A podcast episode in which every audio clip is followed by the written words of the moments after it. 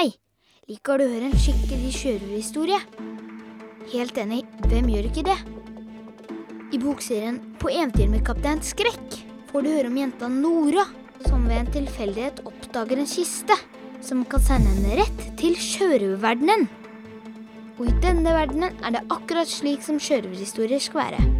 Med sjørøverskuter, kanoner, sverd og skatter.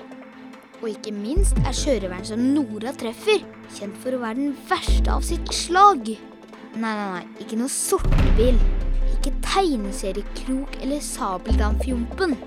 Sjørøveren jeg snakker om, er mannen som får alle andre sjørøvere til å tisse i buksa. Jeg snakker om skrekk. Kaptein Skrekk. Jeg heter Oskar, og i denne podkasten som heter På eventyr med kaptein Skrekk, skal vi gi noen smakebiter fra bokserien. Og i senere episoder skal vi rett og slett snakke med de som er med i boka, og la dem selv fortelle hvordan de opplevde det som skjer. Men det første først. Dette er kapittel én i boka Skatten på Kokosøya. Kagge forlag på eventyr med Kaptein Skrekk. Skatten på Kokosøya av Ole André Sivertsen og lest av Ole André Sivertsen. Kapittel 1 En kiste på loftet Nei, Nora, aldri i verden, sa morfar. Ikke skrekkista. Morfar og jeg var på loftet i morfars hus. Der prøvde vi å finne ting til idrettslagets loppemarked, men det var ikke lett. Samme hva jeg pekte på, hadde morfar en grunn til å beholde det. Hvorfor ikke, sa jeg, det er jo bare en gammel, støvete kiste. Jeg åpna lokket. Hengslene var helt løse og holdt på å falle av. Forsiktig, sa morfar, dette er en veldig spesiell kiste. Se her, lokket kan åpnes begge veier. Morfar åpna lokket, og kista ga fra seg en lav knirkelyd. Når nøkkelen står i på denne siden, er lokket festa her. Står nøkkelen i på den andre siden, åpnes lokket den andre veien. Jeg nikka, uten helt å forstå hva morfar mente. Denne kista har vært i familien i flere hundre år, men vi har hatt den stående her oppe på loftet etter at um... Morfar ble stille. Ja, sa jeg og ventet på fortsettelsen. Morfar satte seg på kne ved siden av kista og børstet støv av lokket. Det forsvant en gang et barn i den kista, sa morfar. Jeg begynte først å le, det var typisk morfar å dikte opp en skummel historie mens vi var oppe på det mørke loftet. Men morfar så på meg med alvorlige øyne. Jeg skal fortelle deg om skrekkkista, sa morfar og satte seg på gulvet med ryggen inntil kista. Jeg krøp opp i fanget hans. Som du vet, er du oppkalt etter min mor, som også het Nora. Hun var din oldermor. Men det du ikke vet, er at hun hadde en lillebror som ble kalt Skrekk. Nei, det visste jeg ikke, sa jeg. Hvorfor kalte de ham Skrekk? Fordi jeg var ganske redd for mange ting. Bare han klødde av skorpa på et myggestikk, besvimte han når han så blodet piple ut. Barna erta ham og ga ham kallenavnet Skrekk fordi han var så redd for blod. Stakkars lille Skrekk, sa jeg. Ja, det kan du si, sa morfar. Du er nok mye tøffere enn han var, men selv om han var redd for mange ting, så var han litt av en skrue og fant på de merkeligste ting.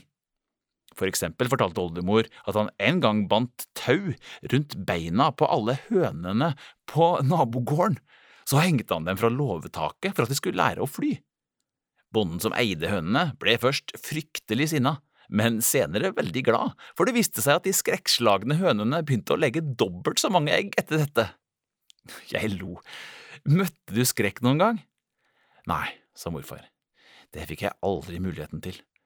En dag Skrekk lekte gjemsel i stua sammen med søsteren sin, altså din oldemor, ble han plutselig søkk borte. Det var helt umulig å finne ham. Oldemor sto med øynene igjen mens Skrekk gjemte seg.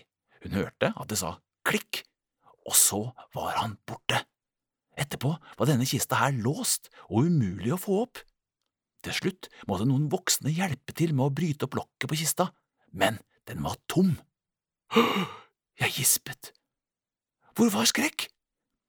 Familien lette høyt og lavt, de skrev om ham i avisa og etterlyste ham over hele landet, men ingen hørte noe mer fra Skrekk før mange år senere, ikke før etter at jeg var født. En dag fant jeg nemlig et brev i denne luka i kistelokket. Morfar snudde seg og viste meg en nesten usynlig skuff som kunne åpnes i enden av kistelokket. Ingen skjønte helt hvordan brevet hadde havna der, men det var altså fra Skrekk. Der sto det at han som barn hadde rømt til sjøs. Nå var han blitt en fryktet sjørøver som kalte seg Kaptein Skrekk. Hvordan hadde han kommet seg ut av kista? sa jeg. Det skrev han ingenting om, men som jeg allerede har fortalt deg, så var Skrekk en skøyer, kanskje det var et uh, trylletriks han brukte for å rømme?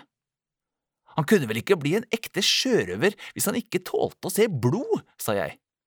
Han skrev så i brevet, sa morfar. Jeg reiste meg og så på kista. Den virker faktisk litt magisk. Utenpå var den dekorert med gullmalte tannhjul, spiraler, gammeldagse klokker og urverk i alle fasonger. Kanskje kista har tilhørt en tryllekunstner, sa jeg. Hvem vet, sa morfar. Nå vet du i hvert fall om historien til kista. Jeg syns at den er så spesiell at vi ikke kan gi den til noe loppemarked. Jeg var enig. Kan jeg få ha den nede på rommet mitt? Jeg så på morfar med bedende øyne. Morfar nølte. Um, skal jeg være ærlig, Nora, så vil jeg helst ikke at du skal leke med den. Uh, I så fall må du aldri, du vet, uh, ja, slik skrekk. Takk! jublet jeg. Morfar barnekista. Snart var jeg alene på rommet.